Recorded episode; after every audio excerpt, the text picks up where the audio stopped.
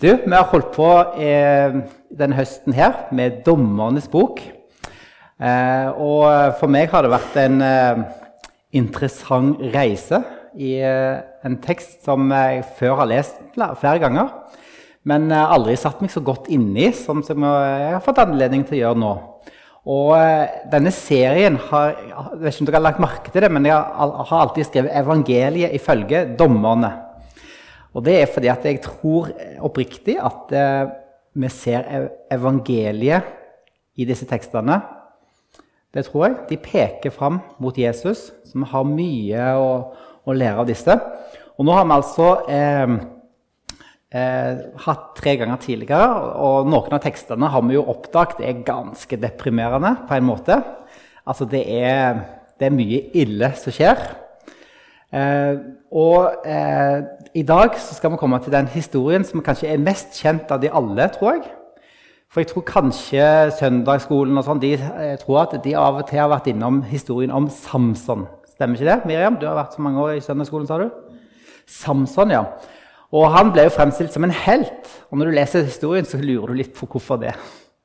For det at det her er det litt av hvert å ta tak i. Så, men eh, vi skal se at eh, evangeliet det skal være tydelig her òg. Eh, og før jeg begynner, så vil jeg bare ta litt av det med helter og sånn i Bibelen. For når du leser Bibelen, så det går an å lese denne Bibelen på mange måter. Og mange måter er feil. Eh, og når du leser Dommernes bok, så må du ikke lese den sånn som noen gjør. At du leser at det, dette er liksom Sånn skal vi være. Det er absolutt ikke sånn skal vi leve. Så Vi leser ikke teksten her for liksom, eh, at dette er malen for å være kristen. Nå er det faktisk en del som gjør det. En av disse kjente kritikerne til den kristne tro, Richard Dawkin, bruker f.eks. teksten i Dommernes bok i et av de siste kapitlene med udåden i Gibea som at sånn er de kristne.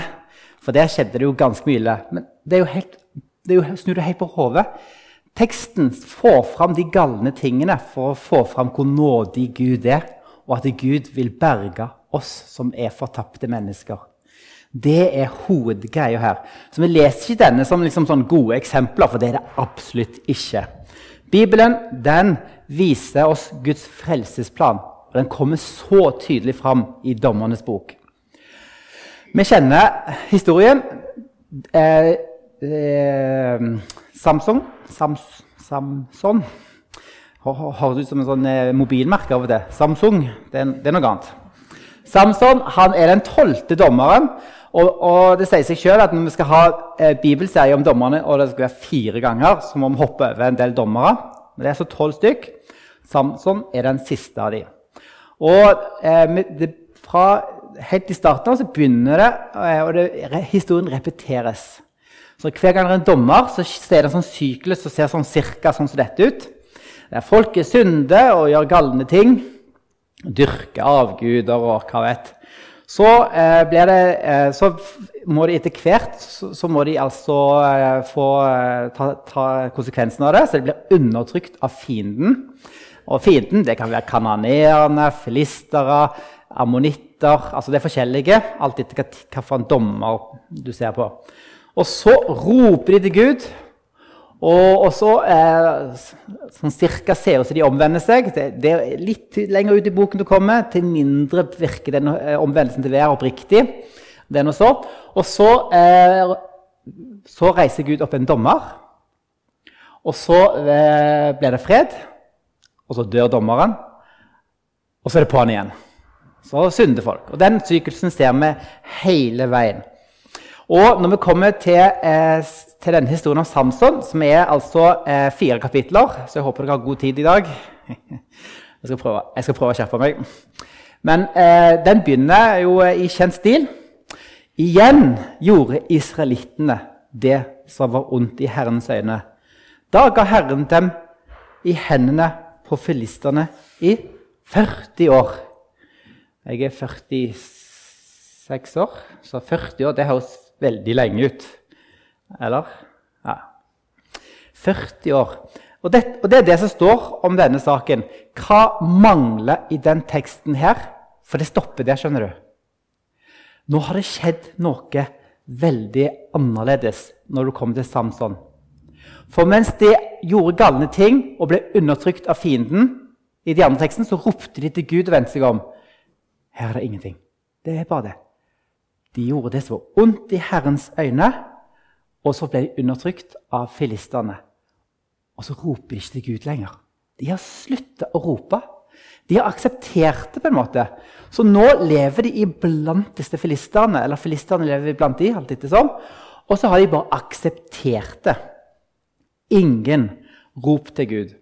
Og Ofte så tenker jeg at når vi leser Dommernes bok, så tenker jeg at denne boken er jo veldig rett for den tiden vi lever i i dag. Og, og, det kan du sikkert si om alle tider. Men akkurat når du kommer til Samson, så syns jeg det er ekstra rett. Fordi at eh, vi mennesker i alle tider har gjort synd. Altså vi alle gjør ting som ikke er rett. Men akkurat som nå så har vi liksom akseptert det litt. Så folk har slutta å rope til Gud. Og det er litt ille. Så er spørsmålet hva skjer da? Hvis vi ikke roper til Gud, hva skjer med den syklusen der da?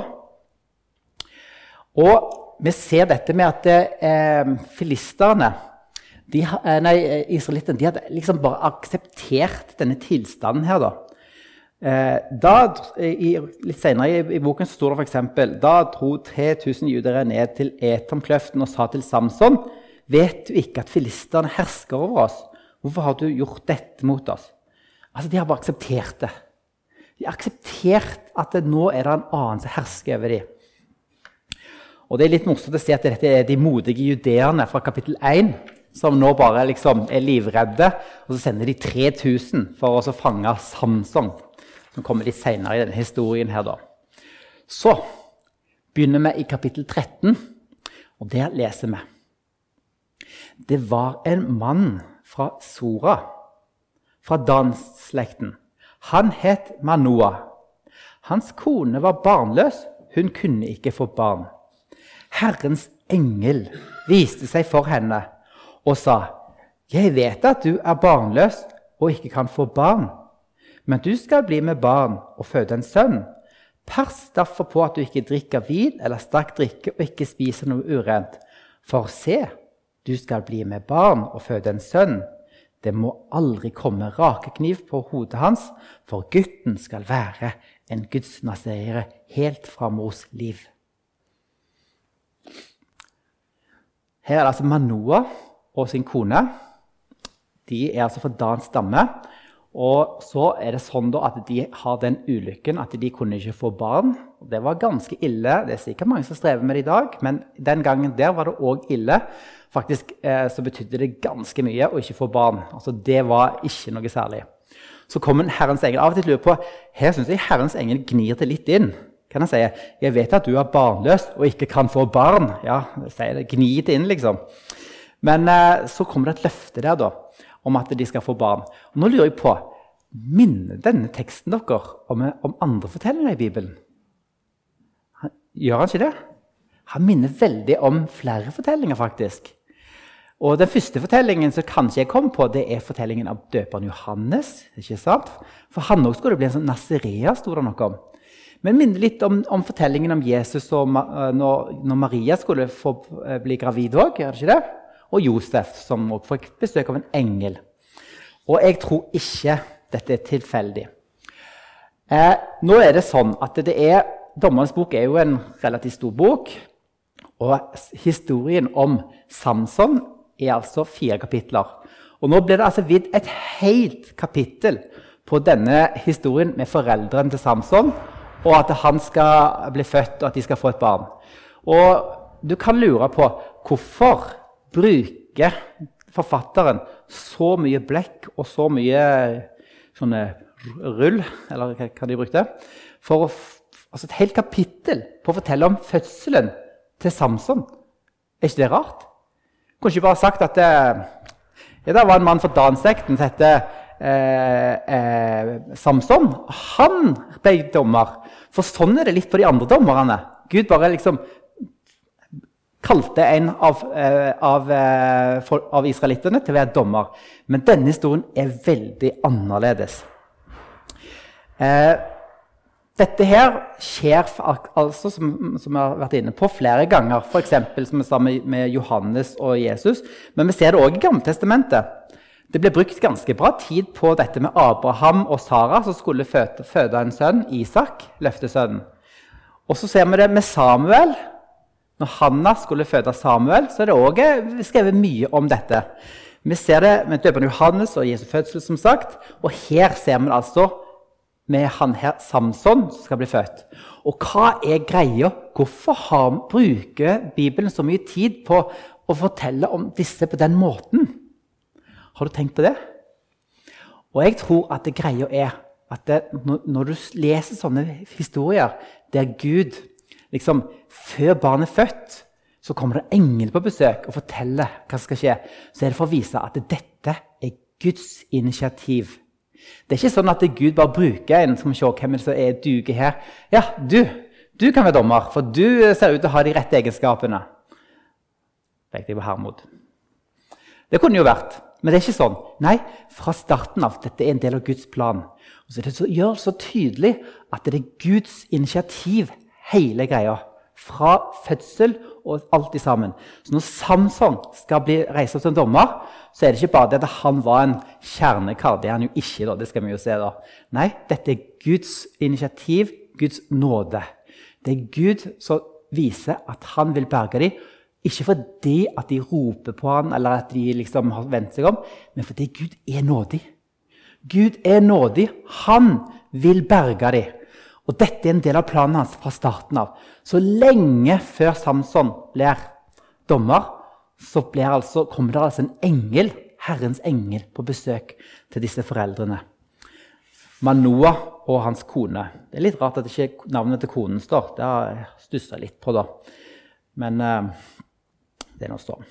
Så denne Samson han skulle altså eh, bli født, og så skulle han være en nasireer. Og det å være nazireer det står det noe om i eh, 4. Mosebok, kapittel 6. Og det er sånn at det, det å være en nazireer det var noe som du kunne, eh, du kunne avgi et nazireerløfte.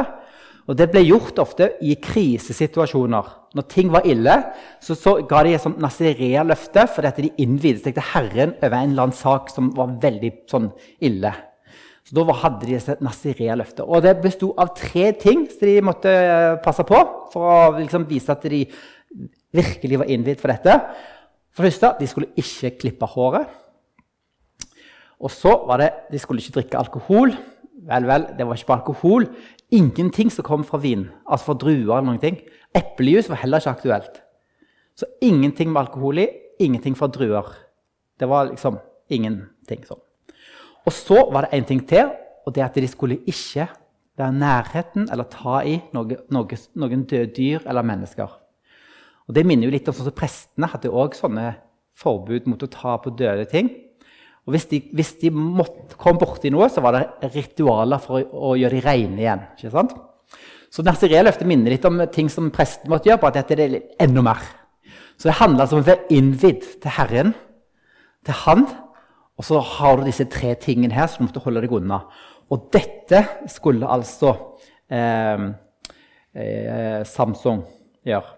Og det er litt annerledes enn det som står i Fjerde Mosebok. Og det samme gjelder faktisk døperen Johannes. For et sånt nazireeløfte, hvor lenge pleide det å vare? Ja, Ca. 30 dager var vel vanlig. 30 dager. Hvor lenge skulle Samsung ha dette løftet over seg? Til han dør. Livet ut. Det er faktisk det er litt pussig men døperen Johannes skulle òg være nasereer hele sitt liv. Så det er en likhet mellom de to, da. Ok. Så står det i teksten og Nå eh, tok jeg litt annen oversettelse, for jeg syns denne var, fikk veldig bra poenget. For det står Han skal begynne å frelse Israel fra filisternes hånd. Det var løftet foreldrene til, til Samson fikk. Den barnet de skulle føde, han skulle begynne å frelse Israel fra filisternes hånd. Det er jo noe fint med det, men det er òg noe rart med det. Begynne. Hæ? Blir det ikke fullstendig? Nei, det gjør ikke det. dette vil ikke bli en total eh, frelse eller fri, frigjørelse for filistene. Men Samson, sønnen, han skulle begynne denne frigjørelsen eller frelsen. Så fødte kvinnen en sønn. Så står det at han kalte ham Samsung. Det er jo litt rart at du kalte ham for Samsung, egentlig. Fordi at Samsung betyr noe sånn som Solsønnen. Og Det illustrerer kanskje litt tilstanden i landet der. Nå har Arkeologene funnet ikke langt fra det området der, eh, der Samsung kom fra, de har funnet sånn soltempel, der de dyrker solen. Så, så det, det, er ikke særlig bra å kalle han for eh, Samson, syns jeg. Det var, det var, ikke et bra valg. Solstønnen. Det, det, er ikke bra. Jeg følte litt sånn da jeg var i Italia en gang, så var jeg inne i en menighet. og så var De, de var veldig opphengt i hva jeg het. og sånn, Så sa jeg navnet mitt, så lurte de hva det betydde. altså Tor Espen. det var liksom, Tor jo, det er sånn norrøn gud, og Espen det betyr gudebjørn. Nei, Jeg bare sa nei, det er ikke så interessant. Vi går videre. Så så da. gutten vokste opp, og Herren velsignet ham. Herrens ånd begynte å drive ham mens han var i Dan-leiren mellom Sora og Eshdaol. Og Vi leser faktisk flere ganger i disse tekstene at det, det Herrens ånd drev Samson. Han ble fylt av ånden, og så skjer det ting. Og mye som er rart. da. Eh, og når, eh, det vi leser, det er at når Herrens ånd virker, så kan altså mye skje. Og det er vel verdt å ta med jo, der. Ta med litt. Teologene de peker på at det kanskje er et poeng her at når vi leser Dommernes bok, så ser vi at det er et mønster som, eh, som skjer. Det er at det, vi, de første dommerne, f.eks. Åtteniel og Ehud, når de skulle bekjempe fienden, hvem var det som var med? Jo, hele folket ble kalt. Alle stammene var med og bekjempa fienden. Så kommer vi til Barak eh, og Debora. Hvem var det som var med og bekjempa da? Jo, to stammer. Så kommer vi til Gideon, og da ble det redusert til 300. Men når vi kommer til den siste dommeren, så er det bare han. Det er bare én person. Og eh, jeg tror at denne teksten vil fortelle oss at når det gjelder bergelsen, altså frelsen, det er nok med én. Én frelser er nok. Det peker mot det. Og det er én som ånden svevde over, som kom ned som en due, og som ble drevet ut i ødemarken først. Det er nok med én. Det er nok med Jesus. Alt peker mot dette Jesus. Så leser vi i teksten at det, Samson Det står ofte at han dro ned. Faktisk tre ganger står det at han dro, han dro ned til Timna osv. Og, eh, jeg prøvde her å få fram et kart. Her er Sora. Der bodde de. og Så dro han ned til Timna, og så dro han ned til der. Ashkelon, tror jeg. Det uttales sikkert ikke rett. Og så litt til Lehi. sånn. Så de drar ofte ned. Når de, og når de drar ned, så skjer det ofte litt dårlige ting. da. Så da blir det ofte litt trøbbel. Merk én ting, at det, nå skal han dra ned til Timna. Og hva skjer der? Jo, Samson dro ned til Timna. Der fikk han se en kvinne. En av filisternes døtre. Da han kom hjem igjen, fortalte han det til sin far og mor. I Timna står jeg en av døtrene til filisterne, sa han. Henne må dere la meg få til kone. Litt annerledes kultur den gangen enn nå. Jeg husker jeg kom hjem en gang til mine foreldre julen for eh, mange år siden. Og Da smilte jeg så bredt og så sa jeg at eh, jeg har truffet en kvinne Jeg sa ikke sånn, da. Jeg, jeg har truffet en kvinne fra Stord. Henne må dere gi meg! Nei da. Men eh, dette er en veldig rar historie, dette her som står her. Og eh, Han dro ned til Timna. Der traff han en filisterkvinne. da. Og Timna, Du skulle tro at nå var han langt ned i filisterland, men det er han ikke. altså. Timna er i, i Israel, det er ikke nede i filisterland. Hvis vi tar fram kartet igjen, så filisterland er her nede. Timna er der. Men Det betyr, viser bare at filisterne og israelitten de bodde om en annen, og så herska filisterne over dem. Så nå drar han altså ned der, og så ser han ei fine ei, tenker jeg. Og så sier 'Hun vil jeg ha'. Hva tror du at foreldrene tenkte da? Hadde de sagt engelsk, så hadde de sagt 'what'? Du, Var det ikke han som skulle frelse, eller starte å frelse Israel fra filisterne? Var ikke han en nazireer? Og nå har han fått eh, øynene opp for ei filisterdame. Og så vil han gifte seg med henne. Så sier jeg da mora og faren hans Da sa hans far og mor til ham.: Finnes det ingen kvinne blant døtrene til dine brødre og blant hele mitt folk, siden du vil gå bort og hente en kone fra de uomskårne filisterne?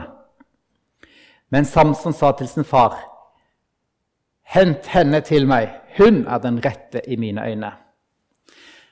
De som sitter med norsk, eh, Bibelselskapets oversettelse, sier at akkurat her valgte jeg eh, en annen oversettelse. fordi at det, eh, jeg synes at det, I Bibelselskapets oversettelse så har de, de tenker at vi er ikke så smarte at vi skjønner dette med 'hun er rett i mine øyne'. Det forstår ikke vi, tenker de. Så de sier at det, Der står det 'hun er rett for meg', eller noe sånt. Hva som står? Du har den. Det er noe sånn?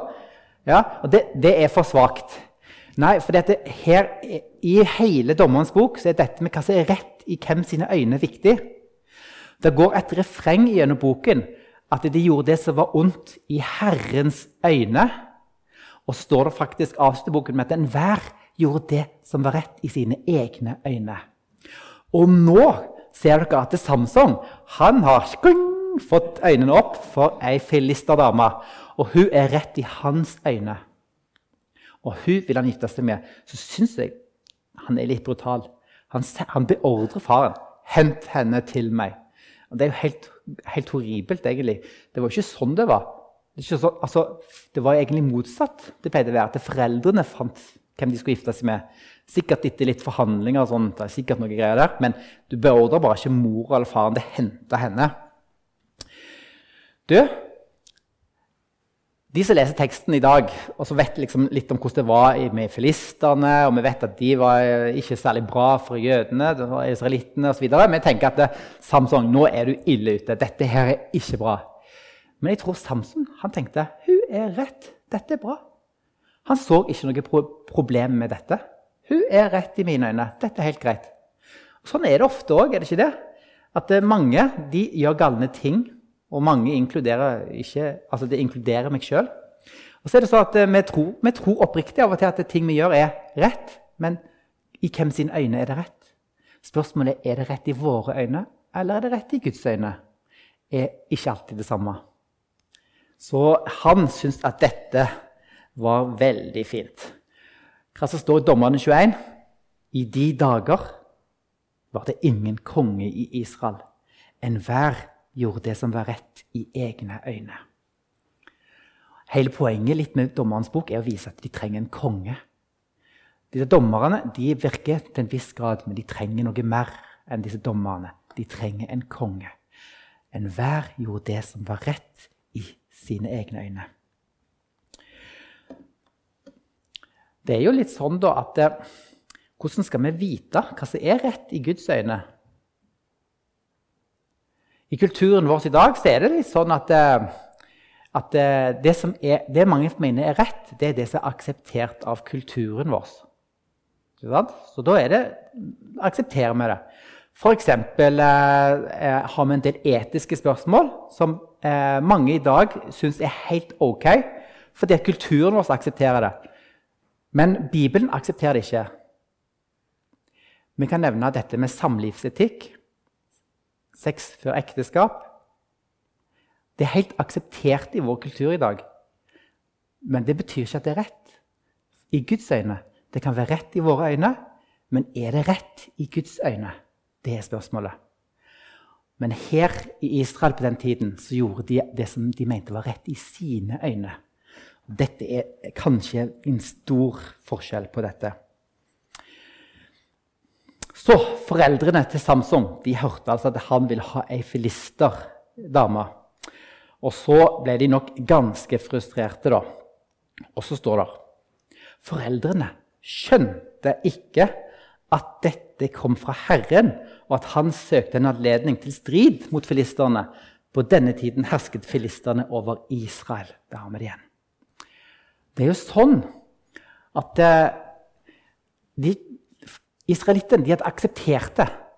De levde i en kultur med filisterne. Alt var greit. Vi hadde fred. Vi kunne hente vann i brønnen, vi hadde kyr på beite.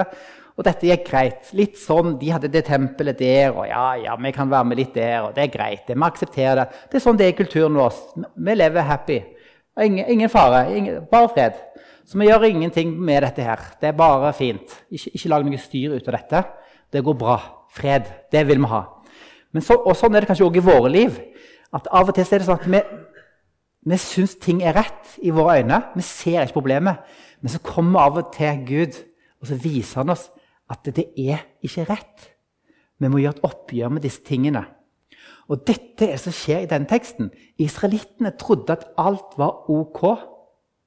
Men så kommer Herren og vil vise dem at nei, alt er ikke ok. For dere lever midt iblant filistene. Og Det gjør at dere begynner å dyrke avguder, og det begynner å smyge inn. Og før dere vet ordet av det, så er dere helt tilpassa filistene og er blitt som de. Nei, her må det være et oppgjør. Vi må ha et oppgjør med de gamle tingene. Og Sånn er det med oss òg. Vi trenger et oppgjør med synden. Ikke bare glatte over det. Så Herren han søkte en anledning mot filistene. For på den tiden så hersket filistene over dem. Så Samson er altså en av disse her eh, dom, blitt eh, dommer for Israel. Eller han er godt på vei til å bli det, i hvert fall. Og så lurer du på hvordan går dette til slutt da, med, med Samson. Jo, så er de altså på vei til Timna. Og så er det litt rart, da, for hva skjer? Det virker som at det er på vei nedover, så Samsung var nok sikkert en, eh, en, en litt sånn Jeg ser for meg han var en litt sånn hyperaktiv kar. jeg, sånn, Hoppet litt fram og tilbake. og sånn. Så plutselig så var han vekke fra foreldrene. fordi at eh, Eh, det står at var, de gikk gjennom vinmarkene. Og, så, eh, og der, forresten Hva gjør en nazireer i vinmarkene? Hva de dyrker der? Druer. De skulle ikke engang røre dem. Hva gjør han der? Allerede her har vi tegn på at Samson han feiler på disse områdene. Så treffer han en løve. Det kommer en ung løve mot ham. Og så, eh, hva skjer da? Jo, Herrens ånd kom over ham, og så bare Han bare dreper ham. Det er litt rart, da, for det står at han, han, han, han river ham i stykker som et lite skje. Kan du bare spørre deg sjøl Har dere sett en sånn lite skje? Dere, tror dere det er lett å rive det i stykker? Så det er litt rar tekst, er det ikke det? Men han var nesten litt sterk, da. Men han bare, her bare, bare tok løven, og så drepte han løven. Hei, hva skjedde da når han hadde drept den løven? Ops, et dødt dyr. Hm, hva var det nazireer ikke skulle være borti? Jo, døde dyr. Hva skulle han gjort da? Han skulle snudd på hælen og dratt rett til tabernaklet for renselse. Det gjør han ikke. Han går videre. Så eh, nede i Timna da, så skjer det en del ting. Og så eh, eh, skjer det noe videre. Vi har ikke tid til å gå inn i alle detaljene. men på veien hjem så eh, I 14.9 så står det at, at, eh, når han gikk forbi denne løven, så ser han noe veldig rart. Det er en bisverm som har, har, har lagd sånn, sånn et bol inni der. Og der var det altså masse honning inni kadaveret til denne løven. Fint, sier han med seg sjøl. Og så tar han honningen, samler den opp, og så har han i hånda og så tar han med seg. Og så spiser han på dette. da. Hæ, hva er det han har gjort nå for noe gale? Nå har han jo i hvert fall vært borti et dødt dyr. Og så går han til foreldrene sine og så gir han honningen. Og hva er det han ikke gjør når han kommer til foreldrene? Han sier ikke hva som har skjedd. Han gir de honningen som har vært i det døde dyret. Og på den måten kommer de òg indirekte i kontakt med dødt dyr. Og så tier han stilt. Og det står at han tidde stilt. Han sa ingenting om det, for han vet nå. Han vet at dette er galt. Det vet han, men han tier stilt. Så skal de ha den her, den her Han skal jo gifte seg med denne dama. Og da står det at eh, da hans far kom ned til kvinnen, holdt Samson eh, en fest der, slik de unge mennene pleide å gjøre. Hm. Kan du lure på, Slik de unge mennene pleide å gjøre, hva betyr det? Da vet vi at det hebraiske ordet for fest der, det ble brukt om et ordentlig hva de kaller det for, svirelag, eller fyllefest. Han holdt en fyllefest altså, i sju dager til henne. Det er jo litt risky business når du er nazirer, ikke det? Fyllefest. Hmm. Tror dere at han rørte alkohol? Hmm. Jeg tror det gikk hardt utover litt av, litt av hvert. Så skjer det et veddemål der. Ja, det syns jeg er litt morsomt. Hvis jeg, eh, hvis jeg hadde sagt eh, til, til deg jeg, du, skal vi ha et veddemål. Eh, hvis du klarer å løse gåten min, så skal du få en bil av meg. Men hvis du ikke klarer å løse den, så skal jeg få en bil av deg. Er du med? Ok. okay. Hva har jeg i lommen? Nøkler. Ops. ja, det var jo litt dumt, da. Det var en lekebil.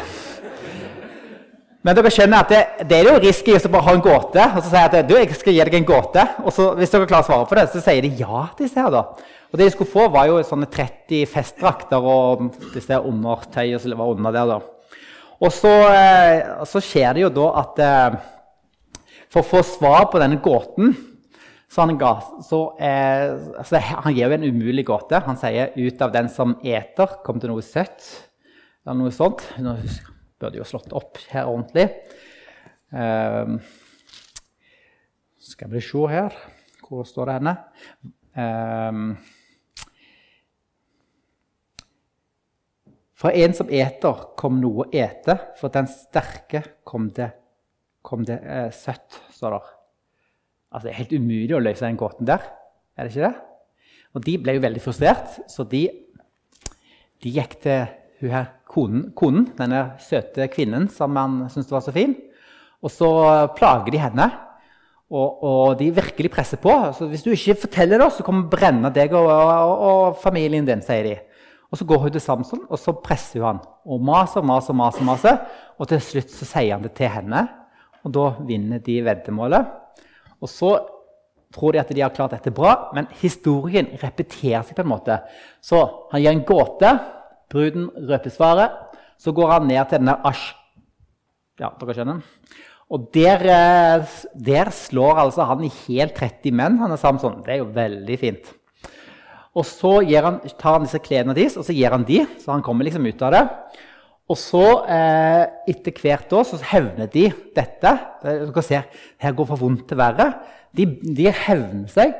Og så eh, tar han disse 300 reverfinnene, eller sjakaler kan det godt være det betyr.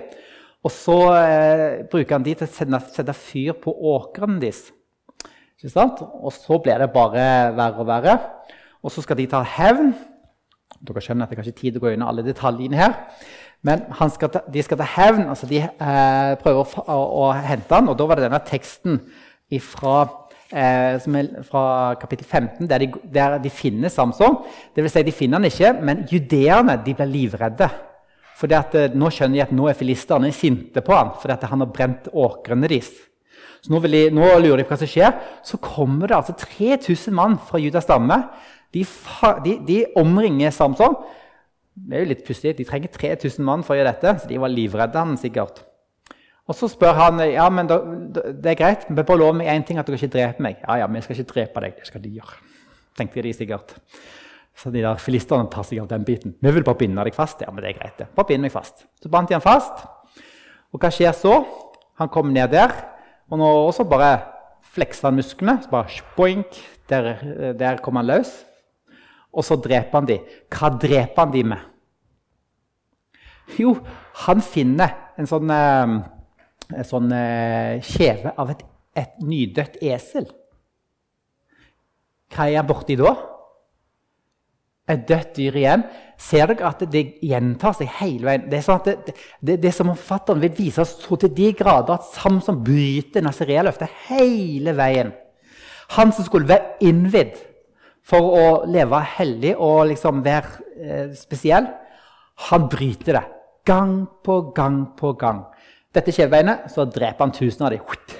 Sikkert eh, et ungt, eh, friskt sånn kjevebein med tennene intakt i, og de kan være litt kvasse.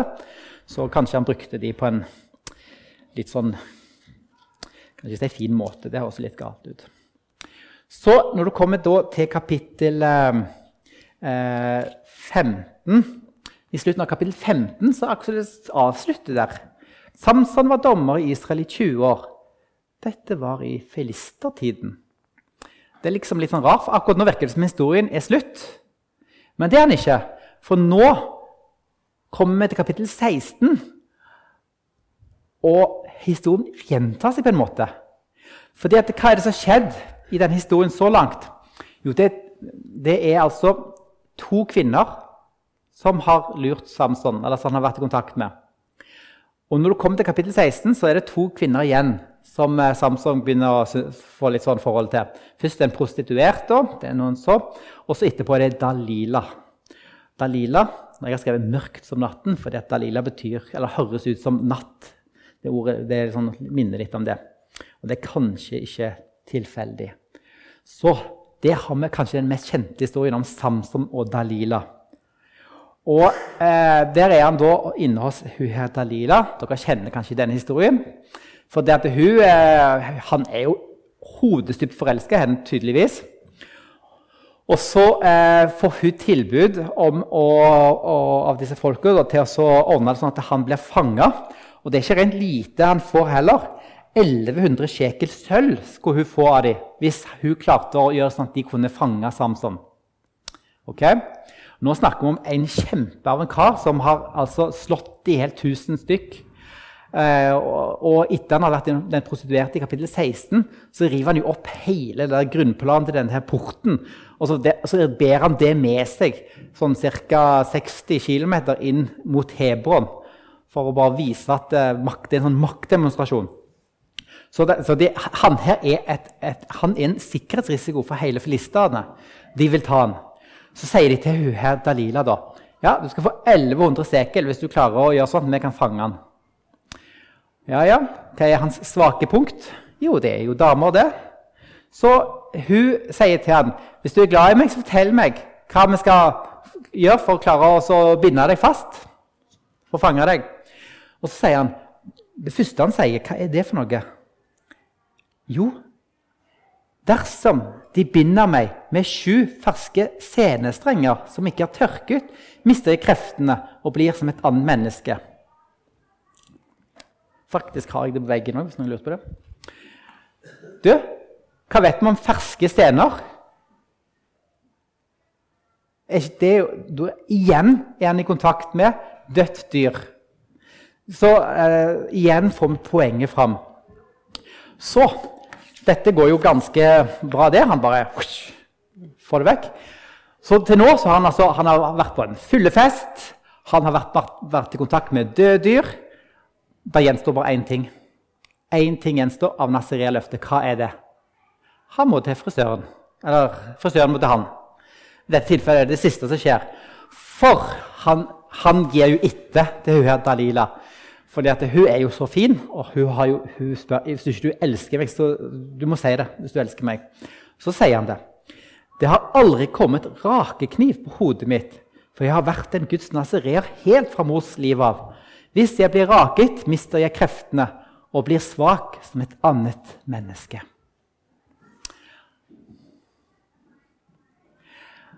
Og så hva skjer? Hun dysser ned i søvn. Og så får hun en frisør til å komme inn, får en kar til å komme inn, og så klipper de av henne håret. Og så eh, er det litt sånn, da Du skjønner at det, disse filistene de tror på magi. De tror på magi. De tror først på disse scenene hvis de var helt ferske. Da ble det bra. ikke sant? Og så er det hvis du vever håret inn i, i et eller annet greier, var det i andre gangen. Og nå plutselig ser er det denne her, eh, dette her å klippe håret. Altså, De tror på magi. Bare du gjør de rette tingene, så blir det bra. Og Samson virker nesten sånn trolig på det sjøl òg. Men det er ikke derfor han mister kreftene. For det gjør han nå. Nå klarer de ta han. Men hvorfor mister han kreftene? Jo, for det står at det, Herren hadde vendt seg bort fra ham. Kreftene hans kom ikke pga. håret. Det var bare et symbol på Nazirea-løftet. Kreftene kom fordi han var fylt av Ånden. Det var Herren som virka i ham, som gjorde alle de store tingene. Så grep de han, og så står det Filistene grep Samson og stakk ut. Hm, her kommer det igjen. Hva stakk de ut? Øynene på ham. De førte ham ned til Gaza og bandt ham med bronselenker. Så satte de ham til å male korn i fangehuset. Jeg vet ikke hvordan du ser for deg at han malte korn. At han gikk rundt med sånn svær stein og så, han var jo sterk. så han ba det. Nei, han satt med en sånn liten håndkvern og malte korn, blind som han var blitt. Han gjorde et, et arbeid som ofte var, eh, som var eh, satt Unnskyld at jeg sier det, men det et, den gang kalte de det for et kvinnearbeid. I den kulturen var det damer som gjorde det, eventuelt slaver. Nå ydmyker de han altså. Han som hadde brent kornåkrene deres, han sitter nå og maler korn og er totalt ydmyka. Så kjenner vi historien. Eh, de finner ut at nå skal vi ha det litt moro. Vi skal ha en liten fest. De samler alle de store folkene i hele landet. Alle lederne filisterne de er med på den festen, og så sier de du, nå vil vi ha litt moro. Vi henter Samson, så, han, så vi kan få noe å le av. Det, er det de sier. Så henter de Samson, og så, og så vil de at han skal underholde dem. Og Han er jo eh, blind og blir ledet fram, og de ler godt og rått av han. Og Så sier han at men du, kan, kanskje du la meg få lov til å stå her inntil disse søylene. Og Så er det i dette Dagon-tempelet som filistene brukte. Og hva gjør Samson? Jo, han rekker ut hendene sine. Og så, for andre gang i hele historien, så ber han til Gud. Og han ber om at, det, at det, han en gang til skal få lov til å hevne seg på filistene. Og hva sier han? Samson tok tak rundt de to midtsøylene som huset hvilte på. Den ene holdt ham med høyre arm og den andre med venstre. Så la han seg mot dem. Samson sa, 'La meg dø sammen med filistene.' Han tok i av all kraft. Da styrtet huset sammen med byhøvdingene over alt folket som var der. Og den som han drepte, da han døde, var flere enn dem han hadde drept mens han levde. Og sånn ender historien med Samson. Og hva forteller denne Hva har vi å lære av denne historien? Jeg har allerede pekt på at eh, den forteller oss litt om dette med hva som er rett i Guds øyne, rett i, her, i våre øyne. Men vi vet jo alle at vi, vi klarer ikke å leve etter det som er rett i Herrens øyne. Vi, vi feiler alle. Så historien forteller oss at vi trenger alle en frelser. Samsung eh, Det er litt rart å si, eh, men han, de fleste teologene er enige i dette, at Samsung er en type eller et bilde på Jesus. Det er jo litt rart, for Samsung var jo ikke akkurat eh, svigermors drøm, bare for å nevne det. Han, eh, han, gjorde jo mye galt, men likevel så er det noe med denne fortellingen som peker mot Jesus, som viser oss frelseren vår. Samson var en nazireer. Det betyr han var innvidd til Gud og skulle være det fullstendig. Jesus han var 100% innvidd for oss. Han kom for å frelse oss. Han kom kun for det. Vi gjør galne ting, sånn, sånn som israelittene. Men Jesus kom ikke fordi at vi er så, er så, smarte at vi skjønner at vi trenger en frelser. Israelittene de ropte ikke til Herren når Samson skulle berge dem. Men Gud kalte Samson likevel. Gud kom i Jesus ikke fordi at vi liksom vente oss om. Nei, han kom fordi det var Guds plan. Det var Gud som styrte det hele. Derfor så får, vi, får vi denne fortellingen med engelen som forteller om at dette er Guds plan. Løftet om frelse før fødsel. Samson, når han eh, var inne i, inne i Judea, så ble han utlevert av sine egne til hedningene, til filistene. Det samme kan vi si om Jesus. Han ble utlevert av sine egne til romerne for at de skulle gjøre det de ville. Og så er det en annen ting. Samson gjorde mer i sin død enn det han gjorde når han levde.